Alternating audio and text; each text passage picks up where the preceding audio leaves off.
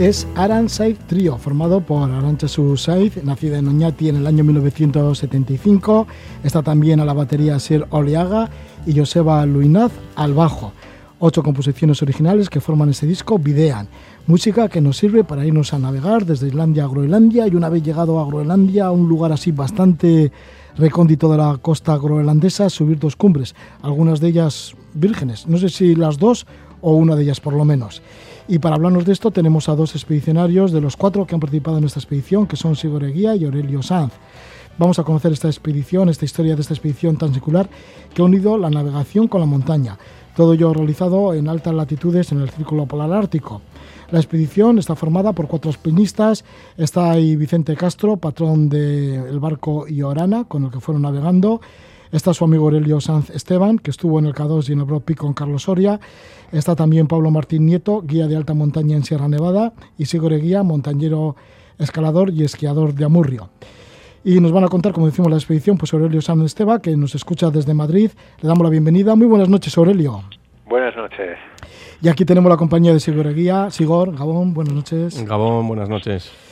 Bueno, pues Sigor, que también eres responsable de seguridad de la Federación Vizcaína de Montaña, miembro del Comité de Seguridad de la Federación Española de Montaña, que interviniste en un anterior programa de Levando Anclas, esto ya hace bastante tiempo, creo que fue allá por junio de 2008, que nos contaste una aventura nunca vista. Y es que realmente haces aventuras bien distintas. Puede ser esta de Groenlandia en barco desde Islandia y además ascender dos cumbres, como aquella que nos contaste, que te propusieron una funeraria transportar un cadáver desde Galdacao, en Vizcaya, a Timisoara, en Rumanía, y así lo hiciste. Así, señor. ¿Te acuerdas de aquello, no? Inolvidable. como, como, para no, como para no acordarse. La verdad que sí, fue, que fue un, viaje, un viaje curioso, sí. 3.000 kilómetros con un muerto en el coche, eh, hasta Timisoara y luego vuelta sin el muerto. Fue curioso, fue curioso. Sí, bueno, aquello fue, ya digo, eh, que, que, tuvo bastante repercusión aquel programa que hicimos del Levando Anclas, porque claro, siempre hablando de otro tipo de viajes y de repente el viaje de una funeraria, pero bueno, esto te sirvió para conocer casi toda Europa. Pues la verdad que sí, para conocer Europa y luego, bueno, pues una experiencia, yo creo que siempre son positivas, los viajes siempre son positivos, vayas en barco o vayas en un coche fúnebre, pero siempre se aprende. ¿Cómo te apuntaste a ir en un coche fúnebre? Porque tú te dedicabas al mundo este de las funerarias y así. Estaba, al acabar de estudiar, bueno, cuando estaba estudiando, eh, los fines de semana empecé a trabajar en una funeraria. Entonces, esa, para sacar algo de tela, para, para, subvencionarme las excursiones al monte, las cuerdas de escalar, que eran y siguen siendo muy caras, y todas esas cosas. En casa tampoco se podía pedir siempre. Entonces, eh, me, bueno, me salió la oportunidad de trabajar en la funeraria del pueblo y, y ahí fui y dije que sí. sí, porque creo que no se apuntaba demasiados, ¿no? No, no nadie quería. Nadie hacer quería, este nadie quería. No, no, no, nadie quería. Y bueno, y como tenía alguna experiencia de haber ido pues en coche antes pues con mi padre a, a Suiza, a los Alpes, al monte, dije, bueno, pues total Rumanía está un poquitín más allá, ¿no? Pues venga, pues tiramos. Y, y sí, me animé, dije, ya voy yo. Y, y, fue una experiencia, sí, sí. Sí, una experiencia que te sucedió de todo. Bueno, y una vez que llegaste a Rumanía te recibieron con honores la familia bueno, de... Sí, la familia de, de, la, de muerta. la, muerta. Además, era, era una chica muerta que llevaba un año muerta. Quiero Ah, decir, ¿un año? eh, sí, sí, llevaba un año muerta. Era una chica que, bueno, por lo que sea, le atropelló un camión en Galdácano. Entonces, en aquella época, pues esta chica no tenía papeles, el ayuntamiento de Galdácano se hizo cargo, la metió en un nicho municipal y al, al, cabo de un año, cuando ya la familia regularizó toda esa documentación, pues decidió transportarla a su pueblo natal, que era Timisoara. Entonces eh, se sacó el cadáver y, se, y lo llevé a, a, Timisoara. Sí, y allí, pues eso, que fuiste recibido, recibido como, vamos, como un miembro más de la familia. Pues sí, sí, sí, era una familia de pentecostales y la verdad que, ostras, eh, era no ni más, un héroe, un héroe para ellos. Les había llevado al muerto allí, joder, pues un héroe, sí, la verdad que sí. Sí, sí. Bueno, fíjate, y no sé qué ha sido de tu vida, bueno, que han pasado bastantes años ya desde entonces hasta ahora, pues desde el 2008 hasta ahora, y ahora, pues tienes un buen puesto en los tranvías de, de Vitoria-Gasteiz. O sea que ese, ese, viaje te sirvió también para curtirte. Sí, sí, sí, sí, sí. Ya, insisto, todos los viajes eh, son positivos y sirven para todo. Y no solo el hecho de viajar eh, eh, es, es, bueno o, o, coges experiencia viajando. Yo creo que para todos los aspectos de la vida es, es positivo. Es como más se aprende viajando. ¿Y ahora por qué Groenlandia? ¿Por qué has combinado la montaña con una navegación? Una navegación además en latitudes muy, muy arriba en Europa. Pues sí, la verdad que me llamaba un poco la atención. Yo nunca he tenido relación con, con, la navegación y con el mar, porque soy de Amurrio, eso está muy adentro, no, no vemos desde el balcón de casa el mar. Y, ¿Trabajas en Vitoria-Gasteiz? Sí, trabajo en Vitoria y tal, pero bueno, solo tengo relación con, con Mundaka y, bueno, pues sí que me llamaba un poco la atención eh, el mar, ¿no? Y, además, como es algo desconocido, pues siempre soy curioso, ¿no? Y digo, cabo en la mar, esto... Y, me apetecía combinar un poco eh, la navegación con lo que a mí me gusta, que es el alpinismo, ¿no? Entonces, sí que algunos amigos relacionados con el mundo de la montaña les decía, jo, me gustaría hacer esto alguna vez y tal. Y concretamente, bueno, pues un, amigo me dijo que, había un chico, eh, Vicente Castro, pues que estaba buscando gente para, hacer esta, esta travesía de, Islandia a la costa este de Groenlandia. Me puse en contacto con él y me animé, y me animé. Vamos a saber quién es Vicente Castro, que es el, patrón del barco, ¿no? Que es muy amigo de Aurelio Sanz. Aurelio, ¿cómo, ¿cómo os conocisteis tú y Vicente? Porque creo que sois amigos desde la infancia y además dentro del mundo del alpinismo y así, pero cómo Vicente, por ejemplo, se dedicó también a la mar, porque ha hecho grandes navegaciones. Eh, Vicente venía de la, de la, escalada y del alpinismo. Nosotros nos conocimos mm, prácticamente de empezando a trabajar juntos en los trabajos en altura. Y ahora es patrón del barco Llorana, ¿no? Con el barco Llorana también, además de trabajar últimamente pues ahí por Islandia y Groenlandia, también estuvo por la Patagonia. Mm, sí, bueno, es que además el barco eh, es un barco que ha que yo creo, bueno, se hizo para eso, para trabajar en, en Patagonia. O sea, el barco pertenecía a un francés y Vicente se lo compró a él, pues yo creo porque él trabajó algo con, con el anterior dueño del barco como tripulante. Y, bueno pues supongo antes de tener este barco él tenía uno más pequeño pero claro un barco que le permitía eh, la navegación era más arriesgada y para ese tipo de travesías pues claro era un barco muy limitado. Y entonces él pues imagino que tuvo la oportunidad de comprar este barco y, bueno pues se hizo con se hizo con él sí, pero vamos el, barco tiene tiene tiene mucha historia sí sí tiene mucha historia no Sigor porque es un barco del año 1979 un clásico sí sí un barco del, del 79 sí de 12 metros de eslora un barco de acero pues para navegar pues a latitudes tan tan australes y tan, tan al norte también. Eso, eh, como ha dicho Aurelio, era un barco concebido además y construido para, para eso. Para eso. ¿Con qué te encuentras una vez que llegas allí? Porque el barco que estaba en Reykjavik, en la capital de Islandia. El barco estaba en Reykjavik y con el primero que me encuentro... Porque llegó desde la Patagonia o desde el sur de América hasta Reykjavik. Creo que lo trajo desde Uruguay o hizo una travesía de Uruguay hasta Islandia, creo que recordar que nos contó y tal. Y sí, y él lo tenía, lo tenía en Reykjavik porque el verano del año pasado también hizo alguna incursión a, la costa este de, Groenlandia. Entonces todo el invierno lo dejó, lo dejó allí. Eh, lo primero que me encuentro cuando llego a Islandia es Aurelio, precisamente en el aeropuerto, porque coincidimos luego que no nos conocíamos, por cierto, y ahora parece que hemos hecho migas. No, Aurelio. parece, ya veremos a ver. Claro, porque tiene que ser una convivencia, lo que habéis convivido, esto de ir en un barco, además por aquellas, bueno, pues por aquellos mares tan al norte, con los icebergs y demás, y llegar a una tierra en donde no lo ha pisado o lo pisa poca gente, porque creo que os encontrasteis en Groenlandia, en la costa este, con una zona en la cual no había nadie.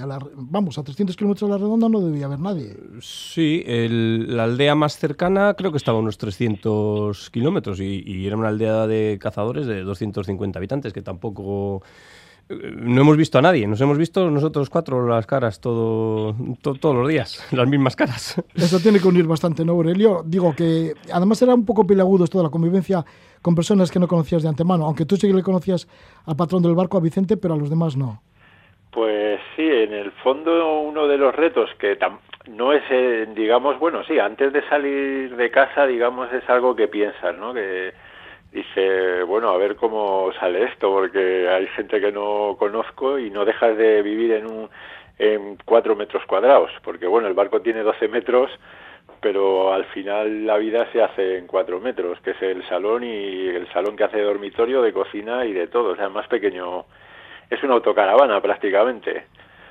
Entonces, eh, pasar tantos días con gente que no conoce, incluso con gente conocida, ¿eh? que, a veces eh, puede ser hasta peor. nunca sabes cómo va a salir, porque pues al final vive situaciones complicadas y bueno, cuando uno se lo está pasando bien nunca hay problemas, pero cuando se viven situaciones difíciles, pues un poco ahí es cuando salen, bueno, pues los egoísmos o, ciertos comportamientos del humano que, que, a veces hacen que las cosas se enrarezcan. Pero, pero vamos, yo tengo que decir que en este caso, la verdad es que salió todo bordado. O sea, cuando hubo situaciones complicadas, creo que todos lo, solventamos lo mejor que pudimos y con buen humor y muy bien. La verdad es que, es algo que a mí particularmente me, me marcó de este viaje, ¿no? El, bueno, pues el haber compartido esos momentos con, con una gente con la que me lo he pasado bien, les he cogido cariño y, o sea, que bueno, que es una buena experiencia. ¿Cómo fue los primeros días de negociación cuando saliste desde Reykjavik dirección hacia Groenlandia? Porque en principio el objetivo era llegar a las Mythic Mountains. Sí, nosotros lo que habíamos, bueno, lo que, lo que habíamos planeado era llegar a una zona que, denominada Mythic Mountains. Eh, lo que pasa que cuando llegamos a Reykjavik y empezamos a ver los partes meteorológicos, pues no, no, eran buenos. Eh, había que cruzar el estrecho de Dinamarca, había una borrasca bastante potente situada en la costa este de Groenlandia y entonces tuvimos que variar los, los planes. Eh, como éramos y somos los cuatro montañeros, dijimos que no nos quedábamos en Reykjavik esperando a que pasara la tormenta. Decidimos subir por la costa oeste hacia el norte de Islandia para así acortar la distancia entre Islandia y Groenlandia y, no, perder, y no perder días. Sí es cierto que en esa travesía hacia el norte de Islandia, que nos costó, no sé si dos o tres días, ¿no, Aurelio? Fueron de travesía, sí, yo creo que fueron tres días de travesía y dos días de esperar a que el tiempo mejorase. Eso es. Entre, porque al final los partes eran tan malos que tampoco servía de mucho seguir subiendo. Entonces era un, fue un día, uno descanso, otro día, otro descanso y luego otro día. Eso Creo que fue algo así. Mm, sí, alguno, uno de los días además salimos a andar un poco por... Em, ahí hay un parque, un parque natural que se llama, a ver si lo digo bien, porque esto de pronunciar los nombres, esto, Sneffels, el monte Sneffels, es ese de la novela de Julio Verne de Viaje al centro de la Tierra, por el que entran a la Tierra y tal, el volcán ese. Uno de los días aprovechamos a salir del barco y dijimos, no nos podemos hacer vagos aquí, porque si estamos tanto tiempo aquí, al final, luego cuando lleguemos a Groenlandia, vamos a tener las piernas eh, atascadas. Entonces sí que salimos por ahí a andar, eh, andar un, día y, luego continuamos para el norte hasta Patrick Fjord, eh, que fue el último puerto islandés donde estuvimos y desde el que ya allí partimos hacia la costa este de, Groenlandia. Así que os metisteis en el océano y hasta las costas, hasta la costa este de Groenlandia. Y realmente el parte, la meteorología fue bastante mala. ¿Os encontrasteis, bueno, yo qué sé, con olas, viento? Sobre todo para los marineros de agua dulce, ¿verdad, Aurelio? Sí, la primera al final es que bueno, el, parte no mejoraba mucho y la verdad es que el tiempo se nos iba y tampoco disponíamos de, muchos días. Entonces veíamos que esta borrasca, la principal, como que estaba pasando y sobre todo estaba pasando por el lado islandés. Y bueno, pues decidimos un poco salir en, en plena borrasca. Pero bueno, la idea era como salir hacia el buen tiempo lo que pasa que al final fueron demasiadas horas de, mal tiempo. Yo creo que calculamos un... Eh, fuimos demasiado optimistas. Sí, porque os encontrasteis con olas bastante grandes. Sí, sí, sí, con olas grandes y, viento muy fuerte. La primera parte, pues igual había viento de 70 kilómetros y olas pues entre 4, 4 o 5 metros. Tenéis que estar muy atentos a todos, a todo. Y más igual acercando a la costa de Groenlandia con los icebergs y demás. Sí, bueno, el momento crítico fue esas 20 horas primeras, o sea, salir de la costa islandesa y ahí tuvimos 20 horas, lo que hizo Aurelio, que, que para tíos que no están acostumbrados al mar, la verdad que yo creo que hasta para acostumbrados al mar es duro, Entonces imagínate para nosotros que yo no, no había, eh, no había visto las tan grandes nunca. Mm, Aureli dice cuatro, a mí me parecían de ocho metros, pero bueno. pero sí, sí, no, ostras, eh, el barco se movía encima a tope, pues eh, no deja de ser un barquito de 12 metros. Y fueron momentos duros. Sobre todo duros porque nos mirábamos hay que decir que Vicente, un profesional, o sea, ostras, eh, sapó, o sea, estuvo fantástico. El tío encubierta manejando el barco para aquí, para allá, unas olas de, que le rompían encima. Nosotros cuando podíamos salíamos a ver si estaba vivo, porque, porque había momentos que no podíamos, o sea... Y menos mal que estaba vivo, porque si no, que vais a hacer tres montañeros manejando un barco sin, el patrón. Ostras, pues eso, eso es lo que luego nos planteamos. Yo creo que el miedo que teníamos nosotros, nosotros tres no era que el barco se hundiera. Yo creo que el miedo era, ojo, como le pasó algo a Vicente, ¿qué hacemos? pues bueno, pues no sé, bajar la vela, dejar el barco en deriva y ya pasará el, temporal, ¿no? Y luego pues arrancar el motor. Pues no sé, pues eso, eso pensaba yo. Pero sí que nos mirábamos los tres con unas caras de decir, hostias, qué putas las estamos pasando. yo me acuerdo que un poco cuando ya íbamos hacia el temporal, porque bueno, salimos de, de Patricio Ordur y en principio, bueno, pues era un día gris, con el mar un poco con oleaje, pero nada...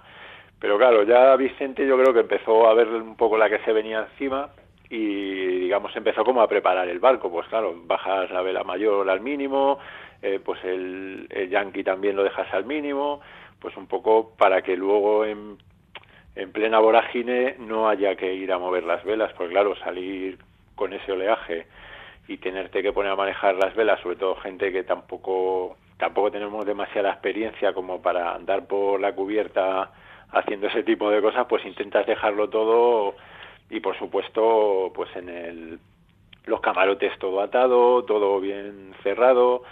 Y bueno, pues en, en esas Vicente nos empezó a explicar todo lo que había que hacer en caso de que pues de que, hubiera un golpe de mar que volcara el barco o que hubiera que abandonar el barco. Claro, hay que tenerlo todo todo previsto. y yo, claro, yo veía ese mar y digo, pero aquí, pero ¿cómo vamos a abandonar el barco? vamos. si, si, si, vuelca esto con una con una lancha de estas de que tendrá, vamos, una la, la, la esta de, de salva, la, la, lancha neumática. La balsa salvavidas. sí, la balsa salvavidas. Digo, pero ahí qué vamos a hacer con, con estas olas? Y encima un mar que está, que está a dos grados, que es que eh, caerse al agua está prohibido. O sea, no, no puedes, porque es que dura 10 minutos en, eh, en el agua, ¿no? Entonces yo decía, vamos, pues como haya que, como ese sea el recurso, lo llevamos claro. Aurelio, ¿te acuerdas cuando nos empezó a decir cómo había que dar por la radio el Mayday? bueno, si pasa algo, la hostia tal, todo apuntado a la pizarra. Joder, los pasaportes metidos en esta caja estanca, por si acaso. Nos mirábamos los tres como diciendo, ostras. Y la radio, y la radio baliza con cogida con los dientes. Sí, sí, no hay que perderlo de ninguna manera. ¿Y, en, y en caso del vuelco del barco, ¿qué hay que hacer? ¿Cuáles eran las instrucciones? Teníamos una, había una baliza de posicionamiento, si el barco se hundía o tal, había que, tirar la, la, la, balsa salvavidas, eh, tiene cosas dentro de supervivencia. Es un cajón así que hay que tirarlo de una determinada manera que nos explicó, eso se, como las películas, se abre la balsa, la otra y tal, y luego había que tener muy en cuenta que la hay una radiobaliza en el barco que hay que cogerla y llevártela para dar la posición a los servicios de, de rescate. O sea, eso era bastante, bastante fundamental, lo de, la, lo de la balita. Por eso dice Aurel, esa nos dijo que la cogeríamos con los dientes. ¿no? Y, luego, bueno, pues sí que llevábamos un, un maletín estanco que ahí mm, iban los pasaportes y la, alguna radio también, VHF y tal. Bueno, pues cosillas de esas. Sí, sí, nos, nos, empezó a decir pues con el procedimiento de Mayday, Mayday, Mayday, pues dar las, las coordenadas, el nombre del barco y tal. Bueno, esas cosillas. pero vamos, que yo, que yo todo eso no lo veía nada claro. yo decía, si aquí, si el barco se hunde, yo no veo nada claro que con la lancha esta vayamos a sobrevivir y menos con la ropa de montaña, porque, pues bueno, yo, yo creo que, no sé, con un traje estanco de estos que llevan los de salvamento que les ves allí, y dices, aún con eso podemos aguantar un rato, pero con el goretés yo dudo mucho que... Pero bueno, al final no, no pasó nada, que, que lo... Sí, con el barco pues ya llegaste al paralelo 66 30 del Círculo Polar Ártico y llegasteis más allá del 68. Por fin llegabais a la costa este de Groenlandia y ¿en dónde os situasteis para hacer ya las expediciones por tierra, para ascender alguna montaña? Pues eh, eh, la verdad que fue impresionante el momento en que ya divisas eh, tierra, empiezan ya, bueno, empiezas a, a esquivar icebergs y ves toda la costa este, una cadena montañosa con una pila de picos de la pera, dices, ostras, y ahora aquí, ¿qué, vamos a escalar? Quiero decir, esto es self-service, o sea, aquí tienes de todo. Nosotros concretamente fuimos al fiordo de Kangerlussuaq. Entonces, eh, eh, era, nos metimos en ese, en ese fiordo y ahí era pura investigación, prismáticos y sorteando icebergs, a ver lo que hacemos. Porque no hay nada explorado por allí, o hay poca información, está poco detallado. Muy poca información, ¿verdad, Aurelio? Nosotros íbamos con un libro del este de Bonington, ¿no? Sí, eh, yo creo que es la única información que, teníamos. Eh, vamos, que teníamos. Que la verdad es que tampoco. Yo es un libro que ni. o sea, lo tenía Vicente, pero no. Yo ni había oído hablar de ese libro. O sea poco fuimos... A la, aventura. o sea que el lugar es totalmente salvaje. Sí, porque estos ingleses creo que habían estado en el 90, ¿no? 80 y pico, 90 y tal. Y luego los mapas que llevamos también eran bastante, bastante antiguos. Entonces, bueno, pues un poco a la aventura.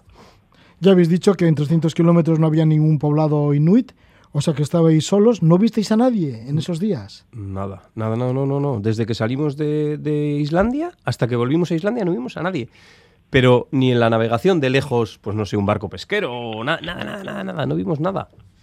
¿Escalasteis cuántos montes? ¿Dos? Dos montes, sí, dos montes. ¿Tienen nombre o son vírgenes?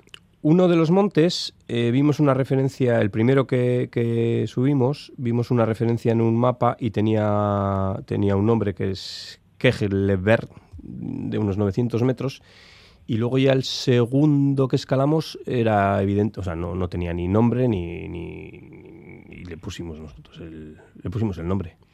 ¿Qué nombre le pusisteis? El del barco. Del acojono que pasamos volviendo dijimos, si hacemos algo aquí nuevo, alguna vía de escalada, algún monte o algo, hay que ponerle Llorana, porque nos ha traído, nos ha traído hasta aquí, sanos y salvos. En honor al barco, entonces. Y nos dio cobijo. Y nos dio cobijo los 18 días que estuvimos, efectivamente, era el campo base. Sí, pero ¿cómo hacíais para saltar a tierra? Digo, una vez que llegáis a la costa de Groenlandia, eh, Aurelio, ¿cómo hacíais para saltar a tierra? ¿Qué ves? ¿En una lancha y, pues, montabais el campamento en tierra? bueno, lo primero hay que buscar un fondeo adecuado para el barco. El barco, eh, abandonarlo, digamos, bueno, Vicente se lo pensaba dos veces antes de decidir si él escalaba o no escalaba, porque pues tienes que buscar un fondeo que esté muy al abrigo del viento, hay que ver cómo están funcionando los, los icebergs esos días, si hay mucho movimiento de hielo, si no hay mucho, porque claro, puede venir un iceberg grande y dar al barco y arrastrarlo. Entonces, eh, había como que elegir muy bien el sitio. Y luego, pues un fondeo que, claro, que, que no sea ni muy. que cuando la marea baje el barco no se quede encallado bueno, era, ¿no? era una decisión difícil que un poco era Vicente el que la tomaba, claro, pues nosotros encantados de que viniera, pero él, él antes de abandonar el barco se lo tenía que pensar. Pero bueno, en ese, la verdad es que en ese sentido tuvimos suerte, tuvimos suerte porque encontramos dos fondeos que no es fácil, porque es curioso, tú en el mapa ves el fiordo y aparentemente no es muy grande, pero recorrer el fiordo, digamos, lo que hicimos nos llevó casi dos días de navegación. O sea, dos días de estar todo el día navegando entre el hielo. Claro, vas a, al mínimo de lo que, del motor y, y, vas todo el rato sorteando hielos y a veces te parece incluso imposible que puedas que puedas continuar porque de lejos ves una línea blanca que dices es que por ya no hay paso pero ahí Vicente, eh, bueno, pues claro, él está acostumbrado y siempre decía, no, sí, va a haber paso y para darnos la vuelta siempre hay tiempo. Y la verdad es que siempre encontraba el paso, pero, pero hubo momentos que entró el barco eh, justo entre dos icebergs rozando, vamos, era complicado. Pero bueno, eh, volviendo a lo de antes, encontramos dos fondeos buenos, el barco se quedaba un poco lejos, digamos, de la orilla y ahí ya pues echábamos una fuera borda con motor y ya íbamos a la orilla con una fuera borda. vamos con una lancha pequeñita de estas neumáticas. Importantísimo que el barco, eso, que tuviera un buen fondeo, porque si se suelta el ancla por lo que fuere, os quedabais sin barco y qué hacíais allí en ese lugar.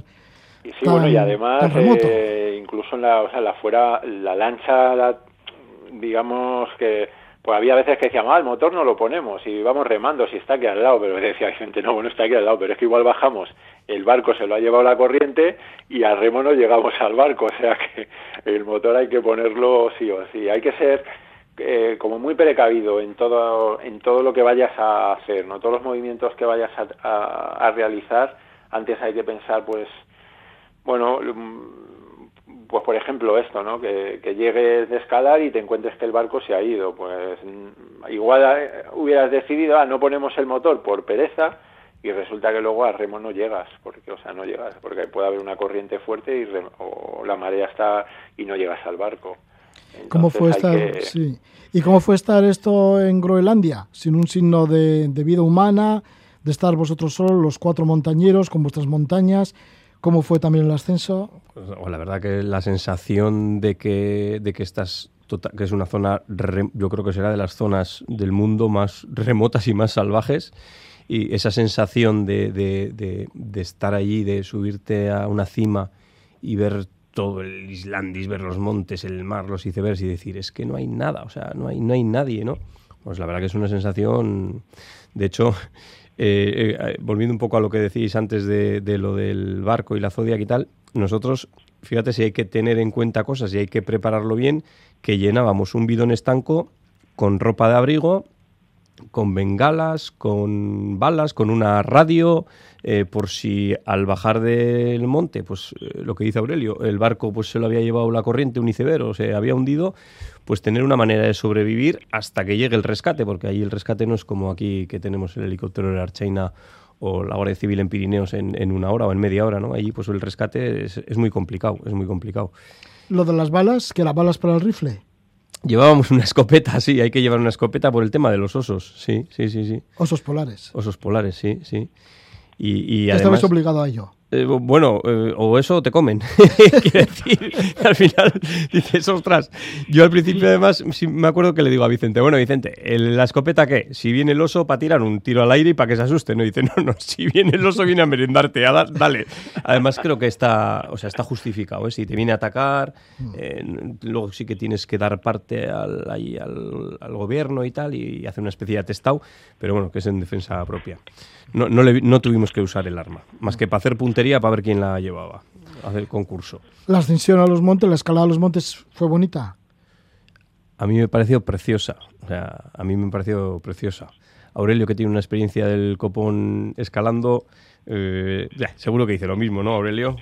Nada, fue, fue, fue una actividad preciosa. O sea, yo, vamos, guardo de los mejores recuerdos que tengo de, de montaña. O sea, porque hoy en día disfrutar de un, de un territorio así es muy difícil. O sea, es muy difícil. Yo, sinceramente, eh, mm, o sea, es algo muy distinto a, por ejemplo, lo que pueda, a una a, lo que estamos acostumbrados ahora a oír, ¿no? Una expedición a un 8000 con muchísimas expediciones a tu alrededor en el campo, el campo base lleno de gente, o sea, esto es todo lo contrario y, además es pura exploración, o sea, es llegar, subir a un sitio que no sabes si vas a llegar arriba, si no vas a llegar arriba, pero en el fondo es que te da igual, estás disfrutando tanto del entorno que dices, bueno, pues salimos y, y, y lo que nos encontremos pues nos hemos encontrado.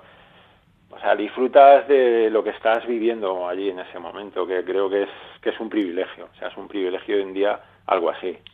¿Cómo fue el regreso en el Oriana? Después de estar ascendiendo a estas cumbres, a dos cumbres, podríamos decir, vírgenes en Groenlandia, ¿cómo fue el regreso en el barco? Bueno, pues la verdad que... ¿Con tantas olas como la ida? No, no, no, no, no. El regreso estaba el mar que parecía una balsa de aceite, pero tuvimos un montón de niebla casi además hasta llegar a la costa islandesa, casi los tres días de, navegación. Y luego eh, esa borrasca que tuvimos al principio, pues se conoce que había movido icebergs del norte hacia, hacia el sur y tuvimos muchos, muchos icebergs. Entonces había que estar muy alerta por la niebla y por, por, por no golpear a, los, a los icebergs. Pero la verdad que el mar estaba en calma, en absoluta calma, no había ni apenas viento. ¿Cómo eran las guardias entonces? El regreso lo que fue fue triste. Estaba que, triste de, tenernos que ir de allí, vamos. Sí, también, Porque, o sea, en el fondo a todos nos hubiera gustado quedarnos, vamos, pues un mes allí. Ahí tenéis que estar muy atentos a las guardias, ¿no? En el regreso, si había icebergs, si había niebla, si había peligro de colisión.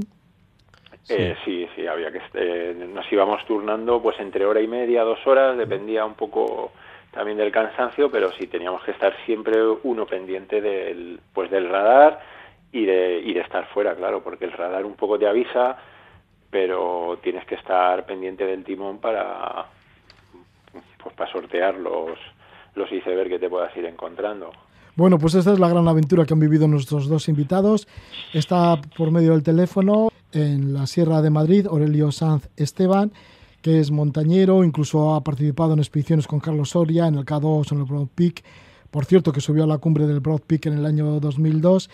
Y estamos también con Sigor Eguía, Sigor Eguía, que es montañero, escalador y esquiador de Amurrio, que es responsable de seguridad de la Federación Vizcaína de Montaña y también miembro del Comité de Seguridad de la Federación Española de Montaña, han tenido la idea de ir navegando en un velero hasta Groenlandia, desde Islandia. El velero estaba patroneado por Vicente Castro, junto con también el montañero granadino con Pablo Martín Nieto, que es guía de alta montaña en Sierra Nevada, por los cuatro estuvisteis ascendiendo a esas dos montañas en un lugar remoto que hasta 300 kilómetros no había ningún poblado inuit. Y bueno, y esto es lo que nos habéis contado. Pues muchísimas gracias por estar con nosotros, Aurelio Sanz Esteban. Un fuerte abrazo, Aurelio. Gracias, gracias a vosotros. Muchísimas gracias también a Segureguía. Vale, es que ricasco.